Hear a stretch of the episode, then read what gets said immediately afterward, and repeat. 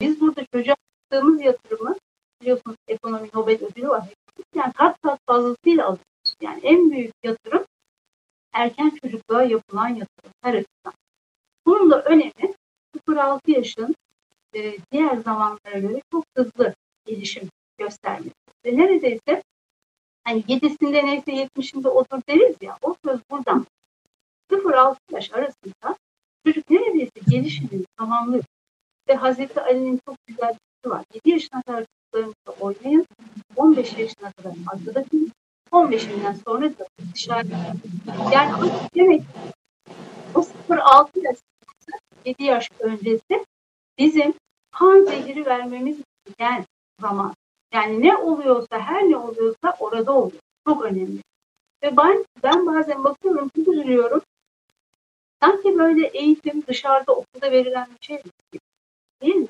Anneler, ebeveynler bunu çok atlıyorlar. Evde sorumluluğumuzu kadar bunu atlayıp ilkokula başlarken en iyi öğretim bulma çabası gerçekten beni dehşete düşürüyor.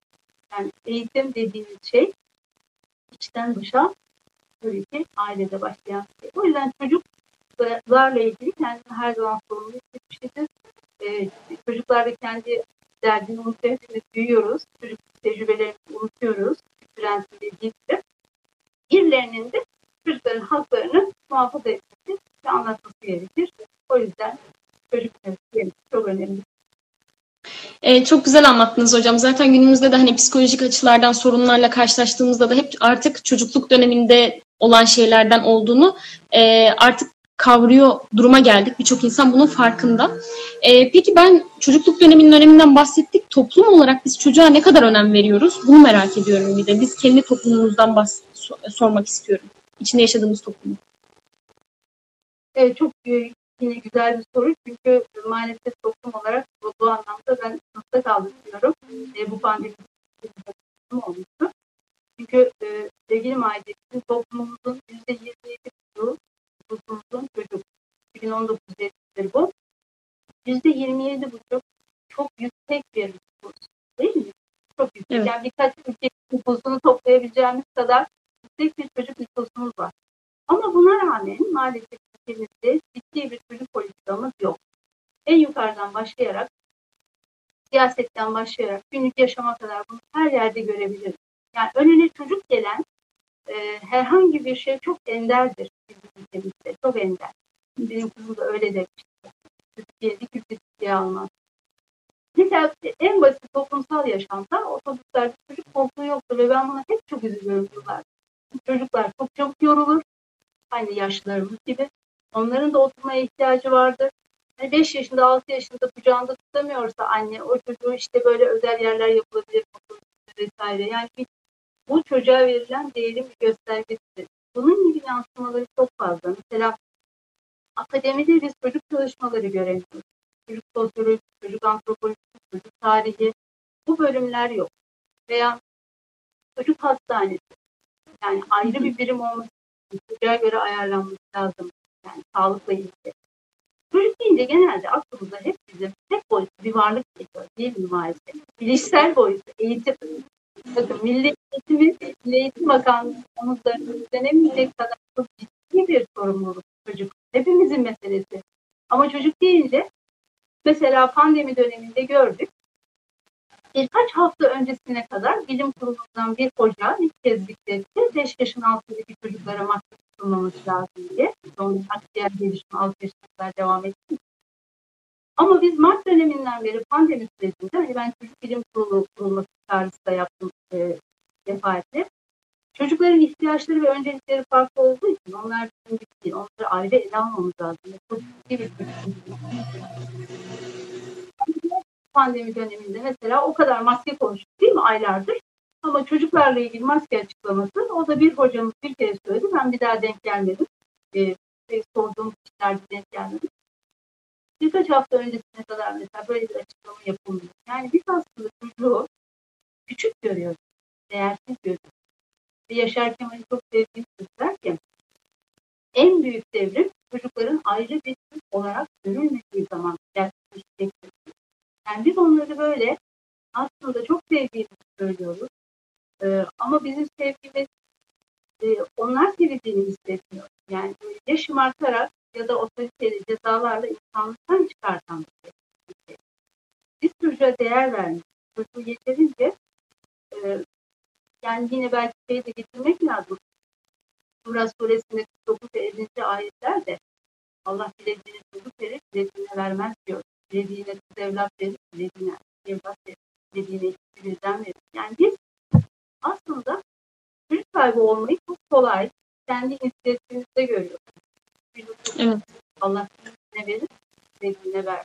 Ve bunun farkında olmak. Yani, bunu, yani çocuklarınız ve mallarınız sizin imtihanınızdır. Yani bu imtihan nedir? Allah size ne soracaktır? Neden çocuğuna matematik öğretmediğini Neden çocuğunu özel okula göndermediğini diyecektir acaba? Değil mi? Yani bunları çok büyük düşünmek lazım.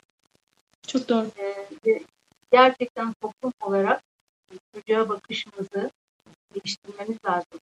Biraz önce ifade ettiğim gibi çalışmalar var yurt ve senaryolar yazılıyor. Bugün aslında bu top pek çok büyük problem gördüğümüz sorunun temelinde çocuk var, çocuklar var. Yani kadına şiddet diyoruz değil mi? Bunu konuşuyoruz. Sarmaldan çıkamıyoruz. Tebrik kitabı gibi bakın yıllardır. Aynı şeyleri konuşuyoruz. Palyatif sözler konuşuyoruz. Cezalar konuşuyoruz. Yani bizim bu sarmaldan çıkmamız için ya şiddet konuşmamız lazım. Mesafesiz terk edilen, yani ihmal edilen çocuklar. Yani annesi yanında ama ilgi yok. Değil mi? Sevgi yok. Veya da nerede yani akademik şiddetten tut, ben ona akademik şiddet diyorum. Zorla bilmem kaç soru hmm. değil mi? Fiziksel şiddet hala çok fazla. Yani biz bazı rakamlar çok yüksek. Yüzde elli'nin üstünde yüzde altmışlara yakın annelerin çocukların fiziksel şiddet uyguladığını diyor. Şiddet gören çocuk ne yapar? Şiddet gösterir. Yani bunları mutlaka konuşması lazım. Buna da değineceğiz hocam çocuk ve çocuğa şiddet noktasında.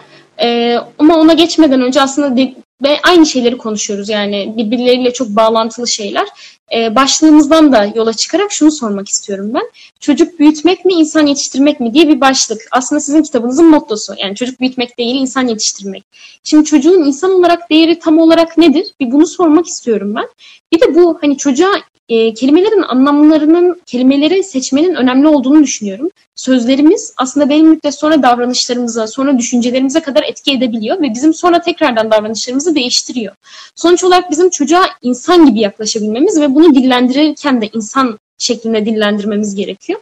Peki bu biraz zor değil mi? Çünkü biz insan insana bile insan gibi değer vermekte zorlanırken çocuğa insan değeri vermekte daha da zorlanan bir toplumuz bence. Burada bakış açımız ne olmalı? Çok güzel. Yani bütün her şey buradan başlıyor. Şimdi e, insan mesela çocuk büyütmek değil, insan yetiştirmek de bu dediğin gibi. Bu nereden başlıyor biliyor musunuz? Şimdi yetişkinler olarak, ebeveynler olarak ve işte genel olarak yetişkinler olarak da önce bizim insan olmamız lazım. Bizim evet. insan olmayı başarabilmemiz lazım ki biz insan yetiştirelim. Allah muhafaza insancık da olabiliriz. Yani insancık diyorum onlara dostluk romanından dinlenerek insan olmanın özgür bir kavram olduğunu göstermek için. İnsan olma potansiyelimiz hiçbir donanımla geldi değil mi? Yani Gün suresi 4. ayetler. Benim mesela çok böyle e, gerçekten beni aşırı derecede e, ayetler neden biliyor musun?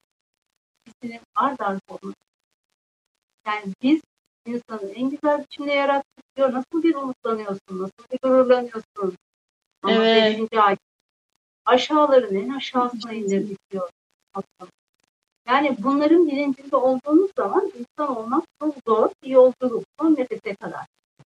Yani bizim önce bunu başarabilmemiz gerekiyor ki tabii ki e, örnek olalım çocuğumuza yani biz bunu başardığımızda insan olarak örnek olduğumuzda çok zor değil.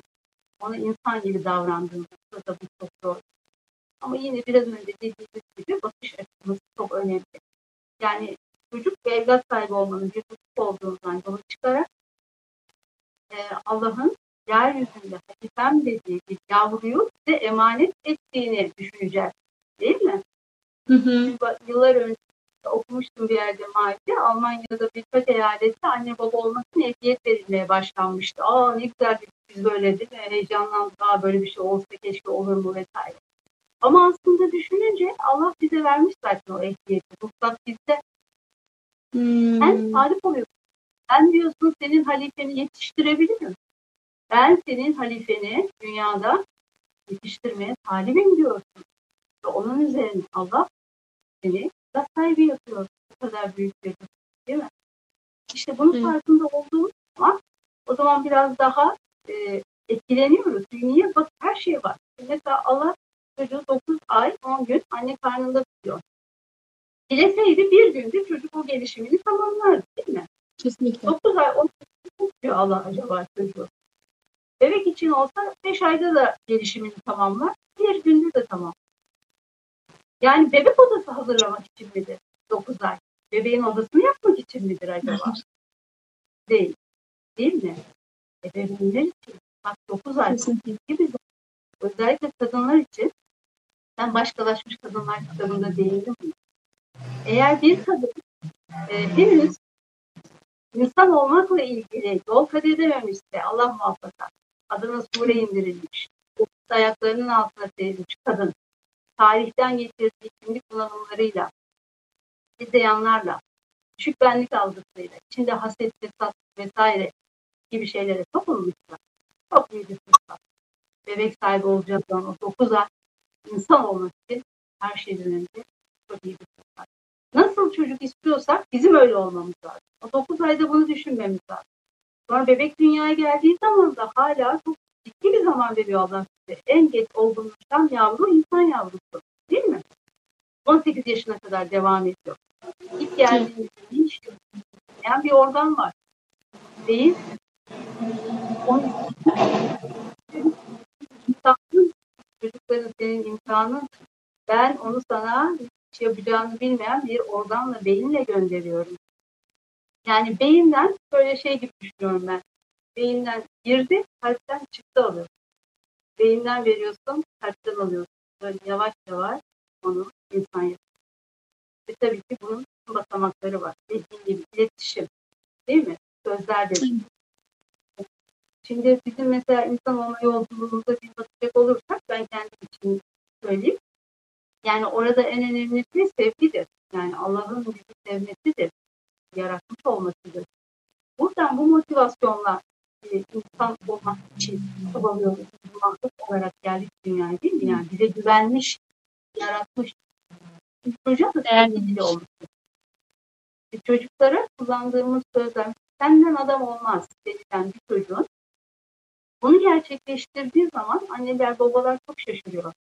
Neden şaşırıyorlar? Kendini doğrulayan kehanet diyor.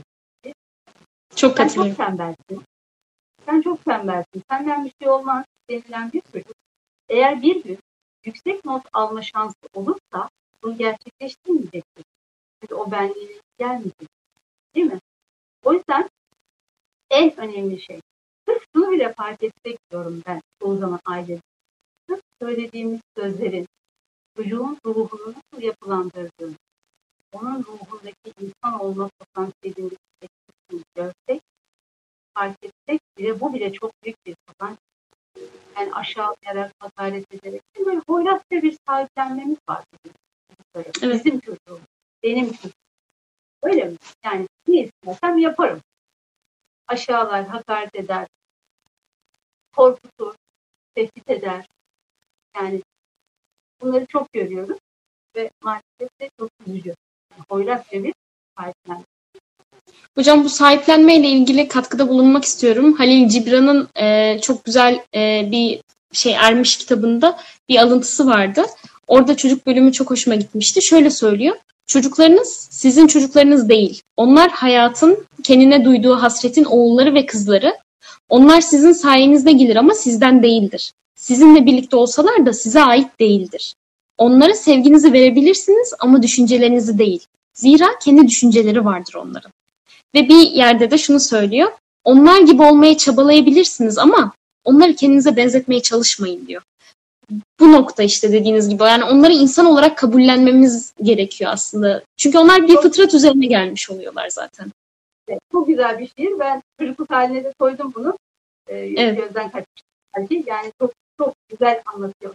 Değil mi? Yani her şeyi çok güzel özetleyen bir şiir. Onlar bizim çocuklarımız değil. Ee, ama biz Hı hı. onları sürekli dillendirmeye ve yapılandırmaya çalışıyoruz. Ee, oysa onlar Allah'ın emaneti ve onu en iyi şekilde yetiştirmekte gelir. Peki hocam çocukların bu şekilde insan olarak e, değer gördüğü bir ailenin yapısı nasıl olmalı? Yani buradaki ailenin önemi nedir? Ailenin e, çocuğa bakış açısında ya bunları tek tek konuşmalıyız aslında bence. Çocukla iletişim tam olarak nasıl olmalı? Çocukla e, çocuğun eğitim konusunda nasıl olmalı vesaire ama genel olarak bir aile, bir ebeveyn bu e, çocuğa insan olarak nasıl e, değer verecek? Bu, bu konuda neler yapmalı? Tabii her şeyden önemlisi huzurlu bir aile ortamı.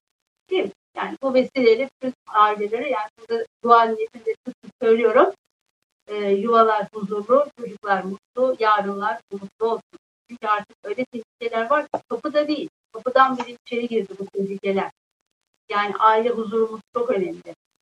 Boşanmaların son 10 yılda 30 arttığını düşünürsek yani bazı eşitlikler adına başka başka eşitlikler yaratılıyor. Çok derin bir konu. Başka kadınlar da ele aldı. O yüzden tabii ki huzurlu bir yuvada çocuğumuzu sevgi, güven, adalet ve sorumluluk olan bir ortamda büyüteceğiz. Ne demek bu? Yani sevgi ve güven olmazsa biraz önce söylediğim gibi ben insan olma yolculuğunda diyorum. Allah beni seviyor, bana güveniyor, beni Aynen. yaratmış. Değil mi? Ben bu motivasyonla yol alıyorum. Peki çocuğun dünyası neresi? Ev.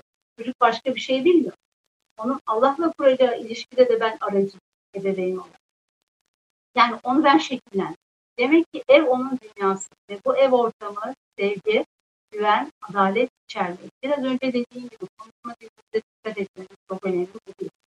İkincisi samimi olmamız. Çocukla samimi olmamız.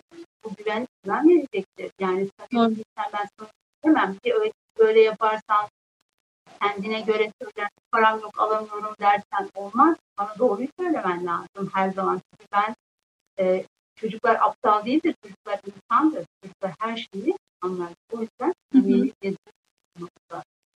Ve yetişkine ne yapmıyorsak çocuğa onu yapmayalım diyor. Yani Emir tipinde çok rahat konuşuyor muyuz yetişkinlere? Arkadaşlarımıza böyle emir tipinde konuşuyor muyuz, emrediyor muyuz, hakaret ediyor muyuz? Hayır. Yani bunları yapmamalıyız. Ee, ayrıca bir de en önemlisi tabii ki olduğu gibi kabul et. Bir insan sevildiğini ne zaman hisseder? Bu gibi kabul et. Ve diyor ki orada hayatın en basit ama en güzel gelişkisidir. Bir insan olduğu kabul edildiğinde ancak gelişim gösterir. Sürekli hakaret edilen, sürekli yükseltilen, sürekli eleştirilen, sürekli yargılanan bir çocuk gelişim gösteremez. Bir dönüp Maalesef. kendisine bak korkar.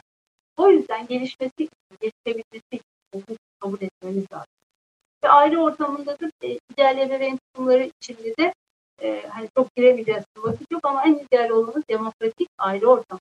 Yani ihmal edilen, ilgilenilmeyen çocuklarla insan yetiştirmekte uzaklaşırız.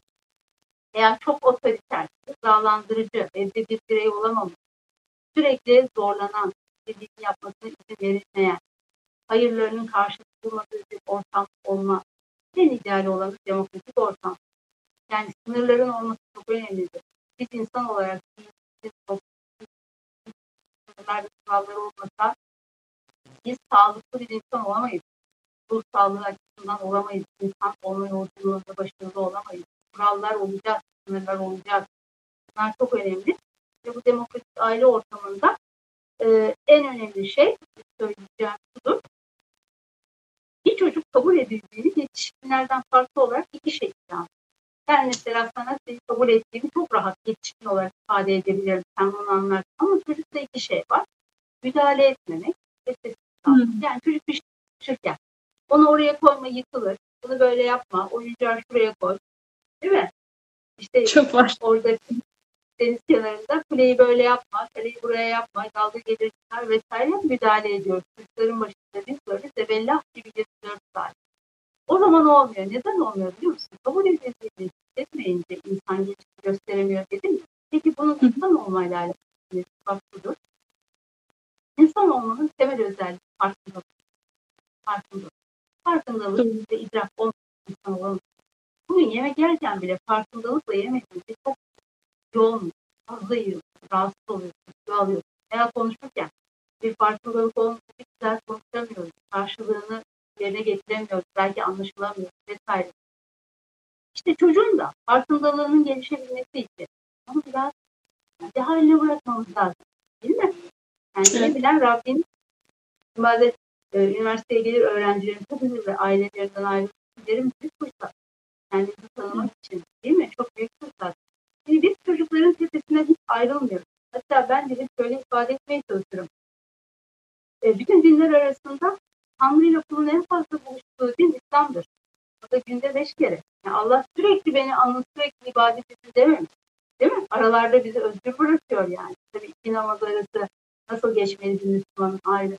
Ama biz neden çocukların sürekli tepesini bunu yap, bunu yap, oraya otur, buraya kalk. İşte o zaman farkındalık geliştiremiyor. Bir ruh, bir ruh en iyi özgür bırakıldığında en iyi halini alır. O yüzden bunu mutlaka buna dikkat lazım. İkincisi de farkındalığın temel özelliği irade. İrade. Peki çocukta irade için ne yapıyoruz? Bir bakalım. Çok büyük bir yanlışlık İsmail. Çok büyük. Söyleyeyim mi? Ödül ve ceza. Evet, Ödül ve cezalar çok... iradeyi şekillendirmez. Aynı bizim köpeğe yaptığımız gibi davranışı şekillendirir. Evet. Ödül ve cezalarla insanlıktan çıkarırız. İnsan olma hedefinden daha çok uzaklaşırız. Demek ki bizim şekillendirmemiz gereken şey irade. Değil mi? O yüzden ödül ve cezalar.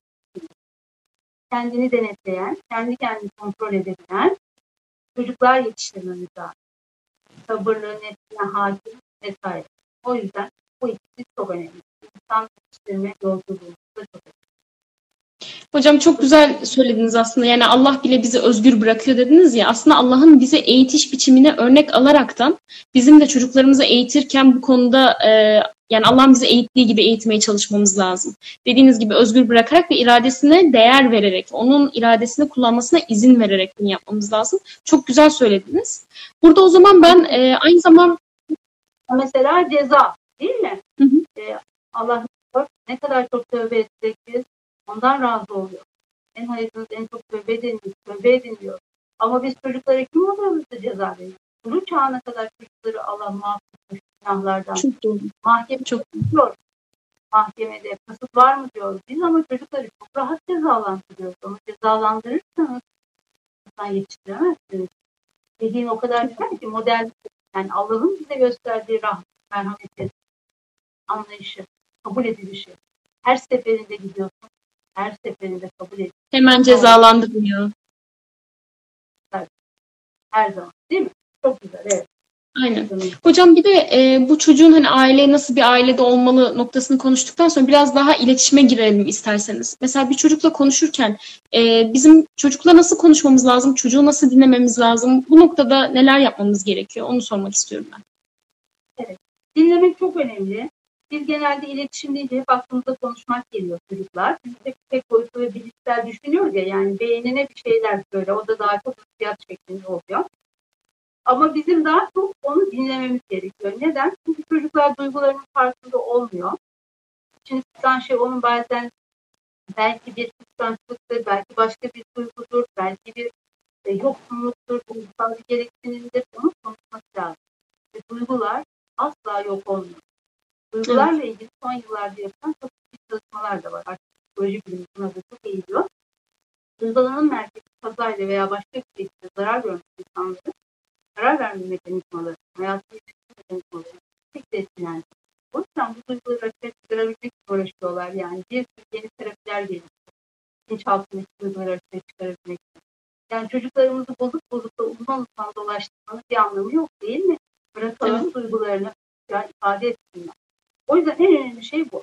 Bir kere en önemli şey çocuğun çocuğu dinlemek. Yani etkin dinlemek. Çocuğun duygularını dışarıya çıkarmasına, ifade etmesini, kendisini yargılamak. Çok görüyorum. İşte hocam hiç çocuğumuz bizimle konuşmuyor diyen ebeveynler. Çünkü siz onu dinlemiyorsunuz, yargılıyorsunuz. Siz anlatmak istemiyor hocam. Yargıladığında, suçladığında, ayıpladığında, eleştirdiğinde anlatmaz. O yüzden bunun olmadan sadece anlamak üzere. Sadece çocuk anlaşıldığını hissetmesi dinlememiz gerekiyor. Ve konuşma dilimizde de biraz önce söylediğimiz gibi samimi olmak, olduğu gibi kabul etmek, onu değiştirmeye çalışmamak, değiştirmeye çalıştığımızda bir insan sevgisini hissetmez. Sürekli değiştirmeye çalışıyorsa o seni olduğu gibi kabul etmiyor. Değil mi? Yine yine yaptığı yapmamak. Bunlar çok büyük iletişim hataları. Çok büyük. Yani bakıyorsun bir yetişkine emrediyorsun, onu sürekli emrediyorsun, görüyorsun vesaire. Ödül ve cezayı da yine burada gelebiliriz. Yani bir e, yetişkine ödül veriyor muyuz? Yok. Bir yetişkine ceza veriyor muyuz? Yok. Demek ki çocuğa da bunları yapmamamız lazım. Olumlu bir sevgi dili kullanmamız lazım. Ve her zaman olumlu bir Yani biz olumsuza çok alışmışız. Allah'ı anlatırken de korkutuyoruz olumsuz. Evet. Değil mi? Sıra yanlış olduğunu söyleyeceğiz ama normal konuşurken de onu öyle yapma, bunu böyle yapma, bunu şöyle yapma hep olumlu. Hayır olumlu. Yani çantanı yere sürtme, çantanı yere sürtme, çantanı biraz yukarıda tutma. Hep olumlu dil kullanmaya çalışacağız. Bu çok önemli. Ee, peki hocam bu iletişimde hani olumlu dil kullanmak vesaire bunlar çok önemli dediğiniz gibi ve iletişim eğer ki biz e, gerçekten doğru bir iletişim kurmazsak manevi olarak da çocuğa şiddete bile varabiliyor. Yani iletişimin sonu bile şiddete varabiliyor. Burada çocuğa şiddet konusuna girmek istiyorum ben. Hem manevi anlamda ruhi, ruhen hem de fiziken çocuğa şiddet söz konusu. Ve dediğiniz gibi ben çok katılıyorum. Eğer ki biz kadına şiddeti bugün konuşmak istiyorsak ve başka şiddet olaylarını çözmek istiyorsak ilk önce çocuktan başlamamız lazım. Çünkü bugünün mazlumları yarının zalimleri olmaya aday oluyor. Ve biz ilk önce çocuğa şiddet konuşmadıkça ve sizin çok güzel bir sözünüz var. Benim o çok hoşuma gitti. Hani birisi bir kadına yolda şiddet yapıldığını görsek sesimizi çıkartırız ama birisi çocuğunu döverken görsek mesela şiddet uyguladığını görsek sesimizi çıkarmayız çünkü o onun zaten oğlu, kızı gibi bakarız. O onun çocuğu gibi bakarız. Aslında çocukları da bir genel anlamda hepimizin çocukları gözüyle bakarak bunu nasıl değerlendiriyorsunuz? Yani çocuğa şiddet noktasında neredeyiz? Neleri hata yapıyoruz? Farkındalığımızı nasıl arttırabiliriz? Evet. Ee, biraz önce söylediğim gibi yani Türkiye bütün nesillerden sorumluyuz. Yani bizim bu çocuğa dediğimiz şey mesela şöyle bakabiliriz belki. Ben diyorum ki Maide, insanlar neden çocuklarına kötü davrandıklarını ve bunları yaptıklarını bilemeyebilir. Toplar geçmişte değil. Ama Hı-hı. kötü davrandıklarını bilirler. Ve çok iyi, bal gibi de bilirler. Bir çocuğu Doğru. cezalandırıyorsan, karanlık bir odaya kapatıyorsan, onu aşağılıyorsan, ders çalışması için zorluyorsan, her türlü bu şiddet, ihmal vesaire aslında çok iyi yetişkinler bilir. İşte şurada oturup bir durup düşünmek lazım. Yani neden bunu yaptığımı bilemeyebilirim. Ama şu yaptığımın kötü olduğunu bilebilirim. Ve bana devredilen bir miras var. Ben ancak bu mirası çocuğuma devredersem bundan kurtuluyorum. O yüzden yani geçmişte bana yapılan bir şey var. Geçmişte benim halledemediğim bir şey var mümkün olduğu kadar işte çocukluktaki alacak verecek meselesini halletmemiz gerekiyor. İnsan olacak, insan yetiştirebilmek. Yani bunlar bize yüklenen bir miras. Alice Miller'in Yetenekli Çocuğun Dramı diye çok güzel bir kitabı vardı. Orada çok net okumuştum. Diyor ki, çok güzel diyor ki e, en ağır travmalar bile insan hatırlamak istemez yaşadığı travmaları en ağır travmalar hatırlandığında insanı öldüren kalmak. Yani biz hep onları bilinçaltımıza attığımız için onlarla uğraşmadığımız biz bütün bunları çocuğumuza yansıtıyoruz. Ve ne acıdır ki şimdi baktığımızda daha çok çevremizde kariyerli, tek sahibi anne babaları bu çocuklarını aşağıladıklarını, nasıl hoyratla sahiplendiklerini ben onlara hayat hırsızı diyorum. Keşke diyorum polisler çocukları yakalar gibi bunları da yakalar. O çocuklar benim günlerce rüyalarıma geliyor. Bir şey yapamıyorsun, müdahale edemiyorsunuz. Dediğim gibi benim çocuğum diyor, istediğimi yaparım diyor. Hı. Ama bütün bu kötü senaryolar çocuklukta yazılıyor. Ben de bu çocukluk ihlallerinin e, önüne geçebilmek için yetişkinlerde bu farkındalığı daha fazla arttırmamız gerektiğini düşünüyorum. Yani hepimiz korkmadan gerçekten cesurca çocukluğumuza bakalım.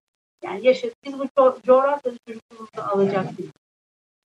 Ama alacaklı nesiller yetişmesin diye dönüp bakalım ve bu mirasları çocuğumuza devretmeyelim. Bu zinciri kıralım. Bu zinciri Doğru. kırmamız lazım. Doğru hocam. Peki kitapta ele aldığınız konulardan birisi de çocuk ve eğitimdi hocam. Eğitimde anne ve babaların e, ya da ev, evet ebeveynlerin yani rolü etken mi olmalı, edilgen mi olmalı? Aslında biz bunlara değindik ama bir yandan da eğitim konusu dediğiniz gibi hani akademik bir şiddet de uygulanıyor çocuklara. Birazcık daha doğru yanlış yaptığımız şeyler var. Doğru bildiğimiz ama yanlış bildiğimiz doğru e, şeyler oluyor. Onlara değinebilir misiniz hocam? Çocuk ve eğitim konusunda dikkat etmemiz gerekenler neler? Eğitimde e, yani açıkçası ben söyleyeyim fikrimi uzaktan eğitim başlayınca böyle pandemi beni en çok sevdiğim şeylerden biri bu oldu. O topluma gider miyiz acaba diye sevindim. Şu anda bir kaosa dönüştü tabii bu maalesef. Yani e, her çocuğu moderniteyle beraber aynı sınıfa, aynı köşelere yerleştirilmesi büyük bir haksızlık, büyük bir eşitsizliktir. Her çocuğun öğrenme hızı farklıdır. Ve modernitenin evet. bize yaptığı büyük bir biri budur biraz daha geriden gelen çocuğu e, özgüvenin altına koyacak şekilde yaftalamak, onlarla hemen tanımlamalar yapmak gibi yoktur. Öğrenme güçlüğü deriz. Okulların en altındaki en kötü sınıflara göndeririz. Çocuk oraya gittiğini kimse bizim istemez. Vesaire. Bunlar benim çok hoşuma giden şeyler. Yani her çocuk, her çocuğun bir yetisi vardır. Yapmaktan hoşlandığı. Biri matematikten iyi anlar, biri resimden. Vesaire. Yani sınıfta her çocuk eşittir demek bu anlamda en büyük eşitlik benim bana göre. Ve ben e, okullarımızda şimdi e, şu an yayın edildi. Değerli bir akademisyen arkadaşımla beraber hazırladım. Çok güzel bir kitap geliyor. Çocuklarla felsefe çalışmaları. Ders kitabı olarak da e, hazırlandı. Ebeveynlerle beraber çocuklara uygulanacak bir kitap. Çok önemli olduğunu düşünüyorum. Şurada hocamız dediği yani çocuklarla eğitimi, felsefe dersleri koyuluyor Türkiye'de. 20 sene sonra bambaşka bir ülke olsun. Yani ben şu ana kadar samimiyetle söylüyorum. Kendi evladım dediğim her şeyi söylüyorum. Beni tanıyanlar bunu Bugüne kadar benim sesli olmadı. Sesli Çünkü okullar yaratıcılığı özgüven. Bunların farklı olmak lazım. Okullar canı tutulan çocuklar çocuklarımızda güler oluyor. Kendi kendilerini oyalayabilmeyi öğretmenler Yani en azından şu anda bunların farklı olmasa çocuklarımızı koruyabiliriz düşünme eğitiminin müfredata alınması çok arzu ederim. Yani 60'tan fazla ülkede zorunlu ders olarak tutuluyor.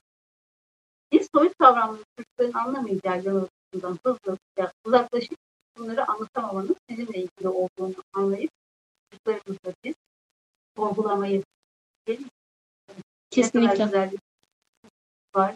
Bizim de gerekçelendirilmiş yani biz inandığımız şeyi gerekçelendirebilmeyi, savunabilmeyi, bunları sorgulayabilmeyi, ezberliği, ezber zihinsel bir şiddettir. Ezber çok kötü bir şeydir. Öyle olsaydı Allah size Kur'an ezberleyin derdi.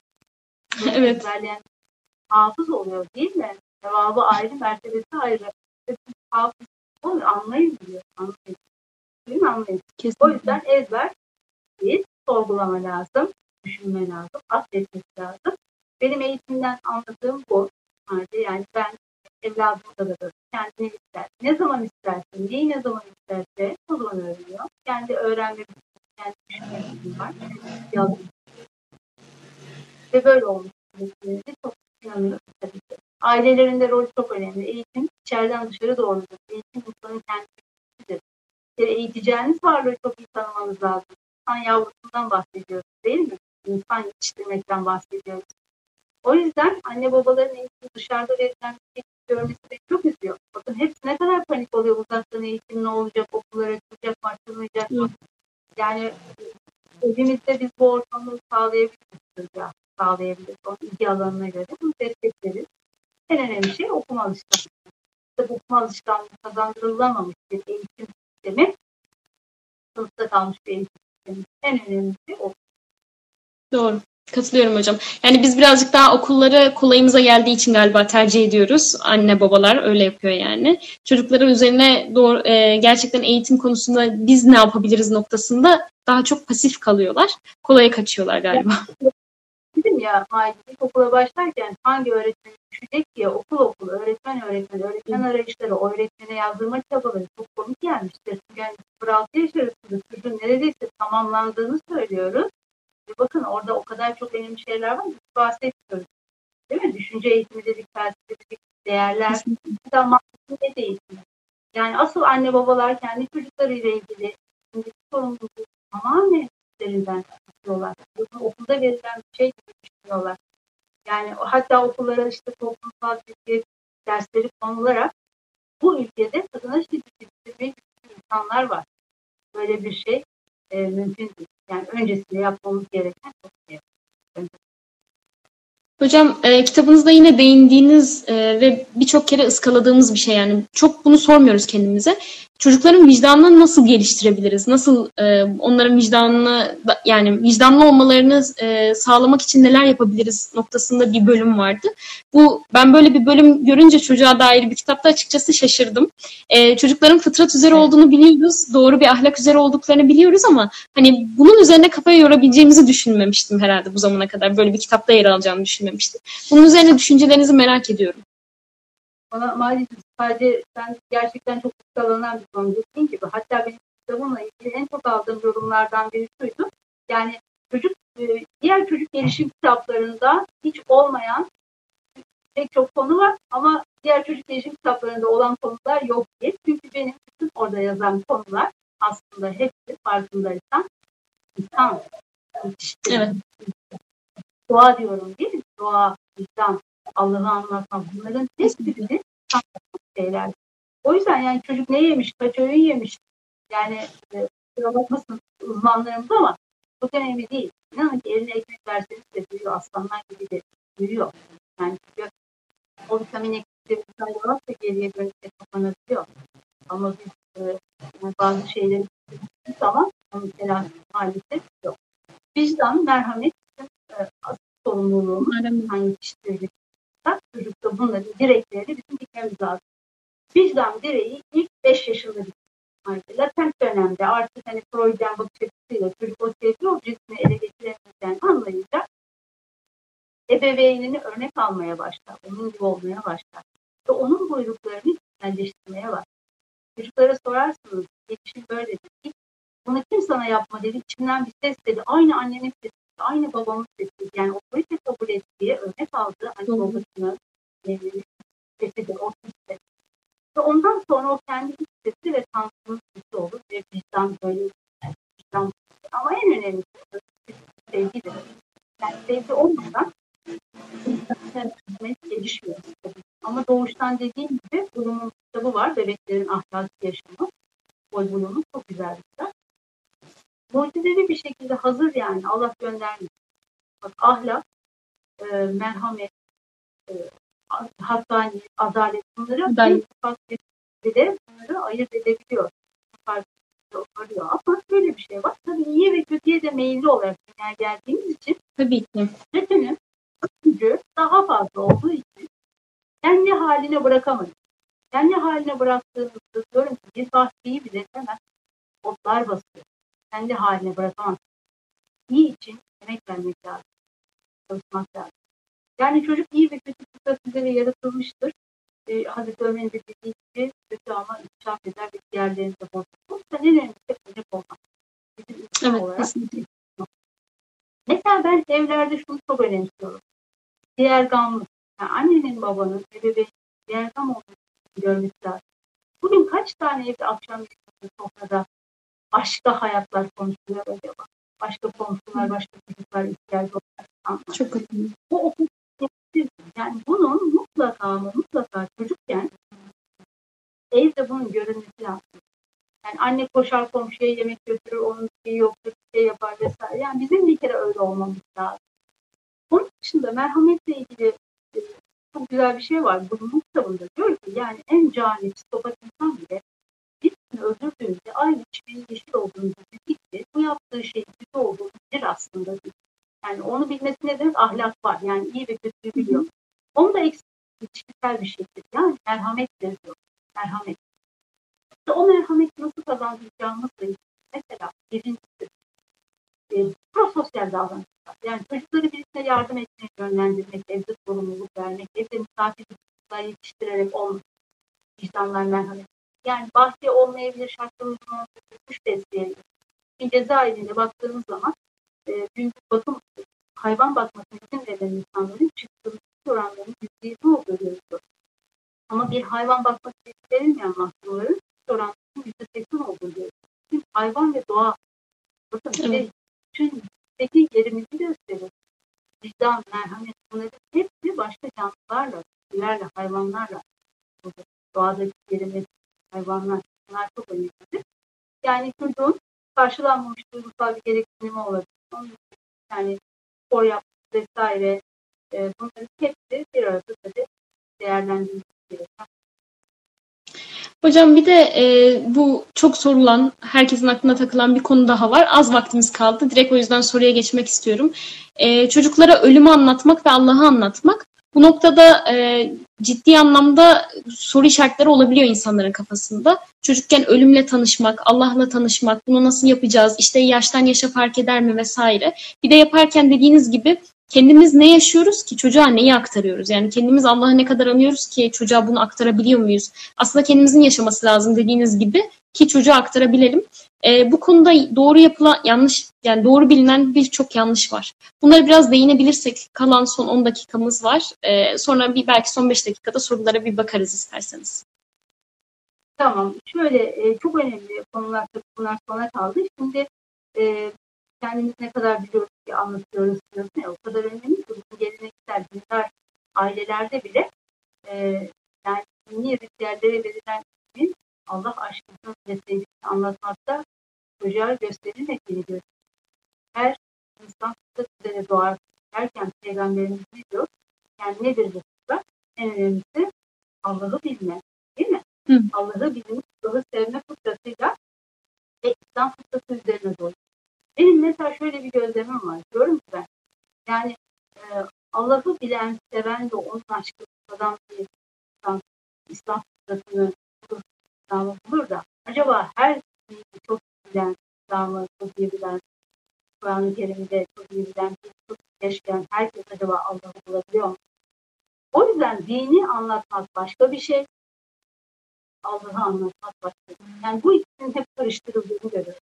Mesela e, bazen ilahiyat camiasında arkadaşlar da eleştiriyor. Diyor ki ya din yaşarsın çocuk öğrenir. Allah'ı anlatmak nedir? Allah'ı anlatılmaz.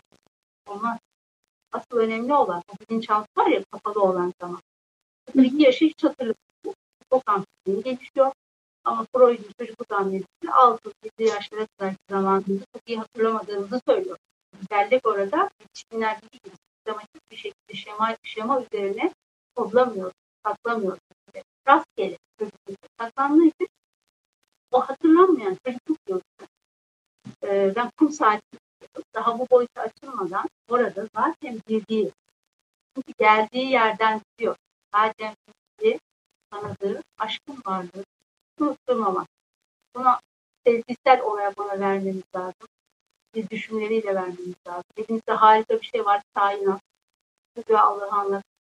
Yani boyuta kaçmadan, somuttan daha fazla örneklerle anlatabiliriz. Onu sudatımıza almamız lazım. Günlük dilimizin içinde Allah'ı her zaman anmamız lazım. Ve çocukla yaptığımız konuşmalarda çünkü e, çok harikulade bir şey hayret var çocukta. Hayret, merak ve hayret.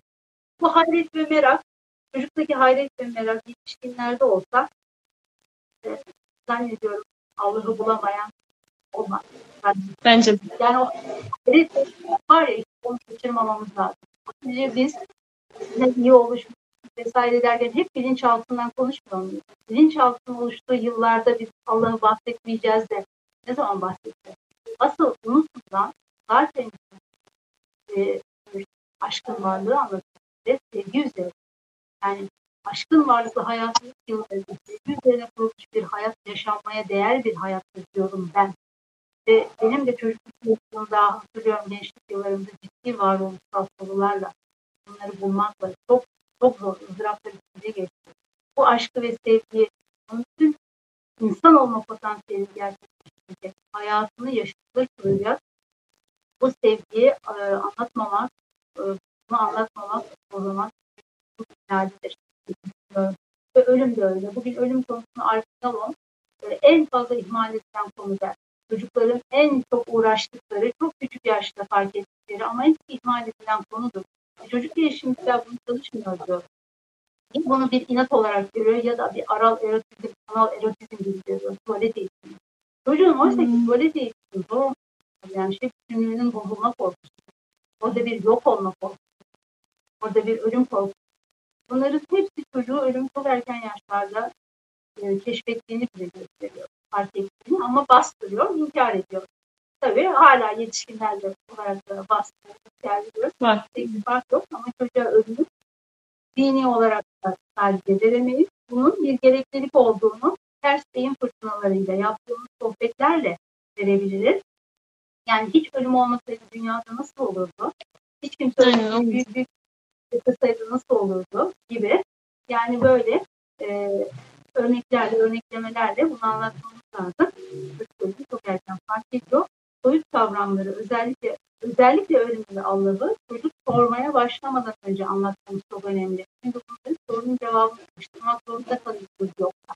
Yani bu çocuk anlamaya başladığında itibaren büyürken çocuğu daha bebeklik döneminde bu iki konu özellikle e, yani günlük hayatımızda tutma dilimizde almamız gerekiyor. Çok önemli. Özellikle hocam ben bu arada yorumları açayım arkadaşlar. Ee, şey konusunu çok değinmek istiyordum. Bazen ölüm anlatırken şöyle bir ifade kullanıyoruz. İşte o kişi öldü ama seni izliyor gibi ifadeler ya da cennete gitti işte e, ama sen ona mektup yaz o mektubu görür gibi ifadeler kullanılıyor. Bunlar hani biraz fantezi e, dünyasında e, değişik bir şekilde sözlere bakıyorum. Bu arada çok yanlış olduğunu Yani mesela mektup isimle yazması izini görmüştüm geçen sene bir programda da söyledim. Çok üzüldüm. Yani çocuk mektup yazıyor böyle dilek balonuna koyuyor. O Hristiyanlık öğretisidir. Onlar Hristiyanlıktadır. Mektup yazılır vesaire gönderilir. Camdan et sallanır. Bizim dinimizde öyle şeyler yoktur. Ölümün bir gereklilik olduğu ve bunun ölen kişinin geri gelmeyeceği. Ayrıca özendirilmemesi lazım. Hele özellikle çocuğa da böyle dini bir eğitimde verilmemesi. Yani işte biz öteki dünyada buluşacağız deyip ölümü özendirmemek de lazım. Bir an önce ölüp annesiyle buluşmak isteyen çocuk da gördüm 5 yaşında. O da öleyim ben annemin yanına gideyim diye. Yani hayırlı bir hayat yaşamamız lazım. Ondan sonra onunla buluşacağız denebilir.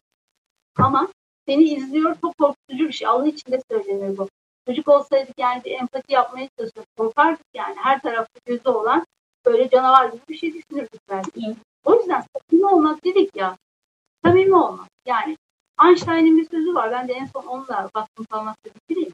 Diyor ki her şey olabildiğince basit olmalı. Ama her şey mümkün olabildiğince basit olmalı. Ama mümkün olabildiğinden daha fazla olmamalı. diyor. Ben bunu çocuk gelişimi, çocuk eğitiminin her aşamasında düşünüyorum. Yani basit, basit ama çok fazla basit olmamalı.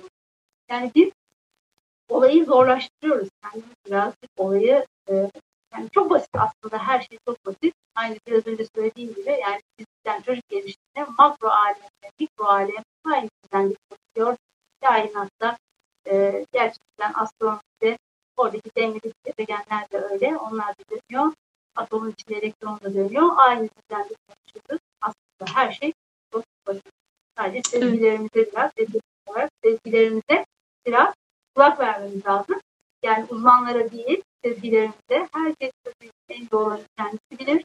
Yani en doğru insan yetiştirmek kelimesini sürekli aklımızda tutarsak, eğer biz onu beynimizde tutarsak kalbimiz zaten bize yardım edecek. Ve e, her yaptığımız adımda mesela bir çocuğumuza baskı yapmayacağız o zaman ders çalış, ders çalış diye. Aşağılamayacağız. Niye bunu yapamadın? demeyeceğiz. Bir sürü şey aslında. Yani konuştuğumuz bir sürü teknik vesaire kendiliğinden aslında hallolacak. Aynı bizim geçmişteki ferasetimiz çok özlediğimiz annelerimiz, babalarımız, yaşlılarımız gibi feraseti o anlamda olduğunu yapalım, olalım. Çocuklarımızı insan olarak görelim inşallah. İnşallah, inşallah hocam. Ee, çok teşekkür ediyorum bizi kırmadan geldiğiniz için. Bugün çok önemli bir konuyu ele aldık. İnşallah faydalı olmuştur. Ee, ben bu yayından şunu anladım. İnsan yetiştirmek istiyorsak önce insan olmayı bilmemiz gerekiyor. Kendimizi düzeltmemiz gerekiyor. İnşallah bunu yapabilenlerden oluruz elimizden geldiğince diye. Çok e, su gibi aktığı zaman teşekkür ederim. Evet. İnşallah faydalı olur. Herkesin İnşallah hocam. İyi akşamlar diliyorum herkese. İyi, e, hoşçakalın.